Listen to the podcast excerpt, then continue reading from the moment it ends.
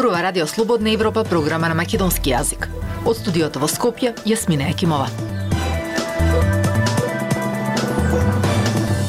Во оваа емисија ќе слушате разногласија околу правното толкување на францускиот предлог. Организирано насилство или уфрлене провокатори, како тоа ќе влијае на протестите. Институционалната борба на децата со диабетес. Следете на. Независни вести и анализи за иднината на Македонија. На Радио Слободна Европа и слободнаевропа.мк. Францускиот предлог ги седна на иста маса координаторите на партиските работни групи, а првата сопка меѓу власта и опозицијата се јави околу правното толкување на предлогот и на што точно ќе се однесуваат заклучоците. Дали само на преговарачката рамка или пак за целиот пакет на документи, вклучително и за протоколот, кој се уште не е усогласен и подпишан. Деталите од прилогот на Зора Нагажовска-Спасовска само за преговарачката рамка или во пакет со билатералниот протокол. На што точно ќе се однесуваат за клучоците кои парламентарните партии денеска седнаа да ги усогласат во клубот на пратеници. Ова е клучното прашање кое се наметна на самиот старт на разговорите на пратеничките групи за францускиот предлог за отстранување на бугарското вето за почеток на пристапни преговори на земјава со Европската унија. На тркалезната маса седна вице-премиерот за европски прашања Бојан Маричич и координаторите на пратеничките групи на СДСМ и ДУИ Јован Митравски и Арбер Адеми. Наспроти, претениците од ВМРО ДПМН Александар Николовски, Антонио Милошовски, лидерот на Демократски сојуз Павле Трајанов и Елмија Зири од Алијанса на албанците. Според Митровски во разговорите нема да станува збор за промена на францускиот предлог, туку за забелешки кои партиите ќе ги презентираат и ќе се обидат да ги усогласат со предлог за клучоци што после ќе се разгледуваат на пленарна седница кои ќе бидат обврзувачки за владата. Затоа како собрание уште еднаш ќе потврдиме дека билатералните прашања ќе бидат исклучени од рамката и ќе ја задолжиме владата затоа што овие заклучоци се за обврзувачки за владата да се исклучат билатералните прашања од аспект на историјата и образование. Од друга страна пак пратеникот и лидерот на Демократски сојуз Павле Трајанов смета дека не може да се очекува согласање на заклучоци ако пред нив не се достават сите документи од пакетот информации со кои располага владата.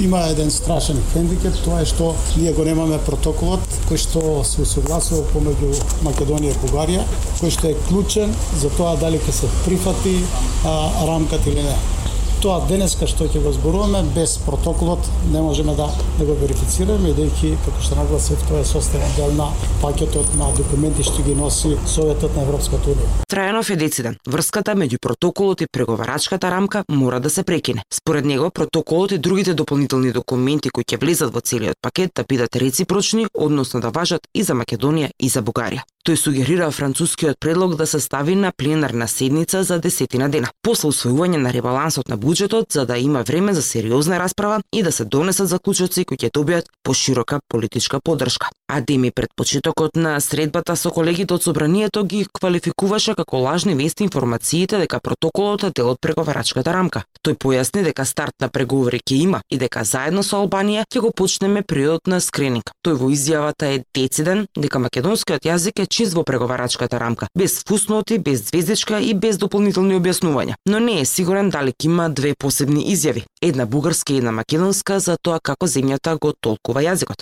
Унилатерална изјава можно е да има, но со Европската Унија ние ќе комуницираме на македонски јазик и македонскиот јазик е чист во овој правец. Тој на новинарско прашање што би стоело во дефинирањето на македонскиот јазик, дали тој почнал да постои од 1945 година, кусо одговори. Македонскиот јазик што и вие јас го зборувам. Инаку илјадници граѓани, подржани од политички партии и граѓански организации, неколку дена протестираат против францускиот предлог за тргање на бугарското вето и отварање на процесот на преговори за членство на земјава во Европската унија. Слободна Европа Следете на на Facebook, Twitter и YouTube. Владеачката СДСМ обвинува дека ВМРО, ДПМН и Левица стојат зад насилствата на протестите против францускиот предлог, додека опозицијата вината за ова ја гледа во уфрлени полициски провокатори. Социолозите пак сметаат дека ваквата ескалација на протестите им одговара само на радикалните структури. Повеќе од прилогот на Срѓан Стојанчов. Власта и опозицијата меѓусебно се обвинуваат за насилствата на протестот против прифаќањето на францускиот предлог пред собранието. Социологот Илија Ацески вели дека со ваква остра поделба меѓу граѓаните не ни се пишува добро. Четвртиот ден протести ескалираше во судири на демонстрантите и полицијата, при што има повредени и приведени.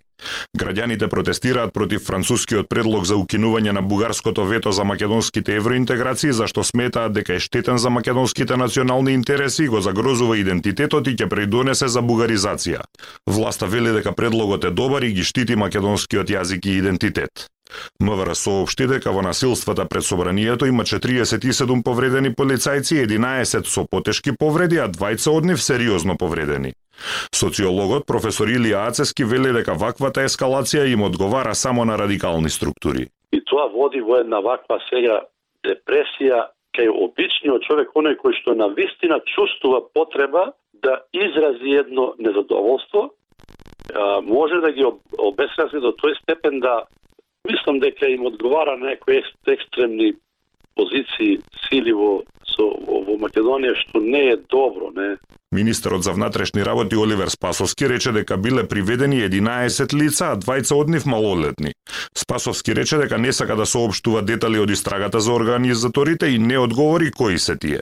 Па вие најдобро ги знаете кои се тие што ги организираат и протестите и кои се тие што повикуваат на насилство со разно разни средства во а, државата. Така да тоа е општо познато. Пратеникот Дарко Каевски од СДСМ обвини дека зад насилствата стојат ВМРО ДПМН и како што ја нарече проруската левица. Организаторите Христијан Мицкоски и Димитар Апасиев ги водеа насилните протести и кога почна насилството, воопшто не се обидоа да ја смират толпата. Пратеникот Драган Ковачки од ВМРО ДПМН обвини дека насилствата се дело на полициски инсталации на власта, кои како што рече со предизвикување на инциденти и ескалација сакаат на брзина да им помине предавството. Од каде им се на лицата со фантомки шок бомби што беа фрлани на ке собранието. Второ, чиј магазин пред месец дена во среде касарна во Охрид беше опљачкан и беа украдени шок бомби. Пратеникот Димитар Апасиев од Левица предходно на Фейсбук напиша дека власта уфрлила 50 на провокатори од Агенцијата за национална безбедност со качулки, со цел масовно да се апсат граѓани и да се амортизира револтот кај народот. Протестите пред владата почнаа мирно, но кога групата демонстранти дојде пред собранието, група млади луѓе со фантомки почнаа да гаѓаат со камења кон полицијата, пошто најголем дел од демонстрантите се разотидоа. Беа искршени прозорците на приземјето, стражарската куќичка, оштетена и фасадата на објектот. Двајца маскирани демонстранти фрлија и молотов коктел кон полицијата, пошто се повлекоа во паркот Жена Борец. Дајте ни 15 минути и ние ќе ви го дадеме светот. Слободна Европа.мк Луѓето со диабетес бараат од државата да им обезбеди сензори за мерење на шеќерот во крвта, со кои ќе им се улесни секојдневниот живот, наместо да се боцкаат со игли по десетина пати дневно. Меѓу нив се и 500 деца, на кои новите сензори значително би им го промениле животот на подобро. Деталите ги има Ивана Стојкова.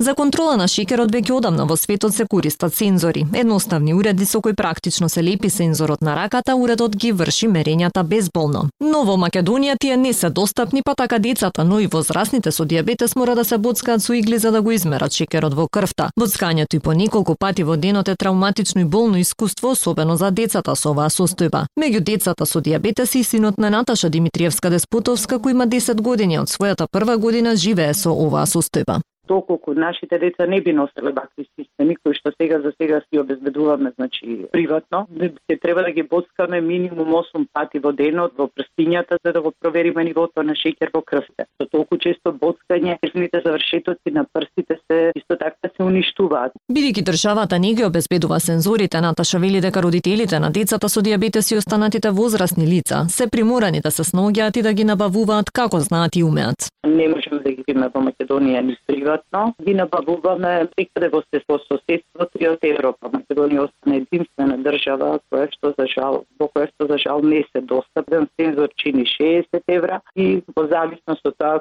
колку има финансиски можности, колку има пријатели по странство, ни ги носи. Пациентските здруженија со години наназад бараат од државата да се заангажира за овој проблем. Радио Слободна Европа праша во Министерството за здравство до каде ова набавка и дали кога лицата со диабетес ке ги добијат ветените сензори. Од таму кусони одговорија дека се прават напори за набавката, но додаваат дека треба да бидат исполнети предусловија го потенцираат и буџетот како факторот кој зависи набавката. Во однос на обезбедувањето сензори за оваа категорија пациенти веќе е подготвен план за спроведување на оваа процедура и се прават напори за обезбедување на сензорите во рамки на постојните можности. Во соработка со останатите надлежни институции и земајќи го в предвид обезбедениот буџет, нашата заложба е тие да бидат набавени по исполнување на потребните предуслови за оваа набавка. Асоциацијата на деца со диабетес заедно со председателот на Сојузот на Сдруженија на диабетичари пред неколку дена одржа и заедничка пресконференција конференција пред Министерството за здравство на која испратија порака и до здравствените власти и до владата дека е потребно итно подобрување на условите за лицата со диабетес, но и поголема комуникација на надлежните со пациентските здруженија. Притоа подсетија дека се работи за 45.000 граѓани над 500 деца во земјава со диабетес кои имаат право на квалитетна терапија и медицински помагала кои ќе им го олеснат секојдневниот живот. Култура и уметност на Радио Слободна Европа. Памела Толоцат, Беата Куна од Германија, Нашите Синиша Новески, Јасмина Главинче, Владимир Симоновски и Сандра Котевска се творците кои учествуваа на 20-тото издание на колонијата Art Point Гумно, што се одржа во Демирхисарското село Слоешница. Годинама во знакот на уметноста и природата. Повеќе за јубилеот и оваа колонија од прилогот на Лјупче Јолески.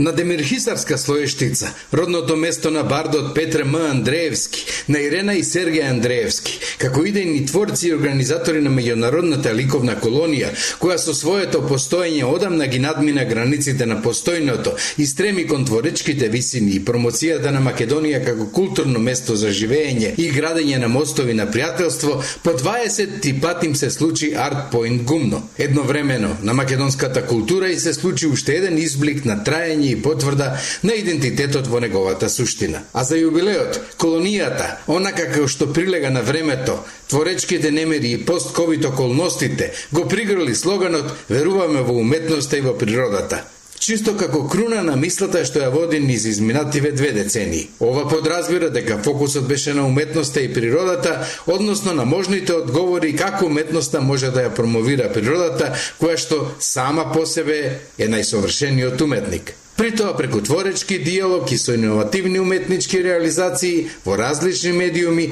од кои што дел се инспирирани од локалната традиција, уметниците создадоа дела што предизвикуваат восхит. Магистер Синиша Новески, академски скулптор, кој знае да каже дека прекрасната природа и амбиентот на Слојштица, како и топлината на луѓето, позитивно влијаја на неговата скулптурна креативност да направи неколку скулптури во стилот на лендарт, односно да користи материјали од природата како дрво, гранки, земја и подосна тие скулптури да ги вклопи во природата и македонскиот мистичен пейсаж.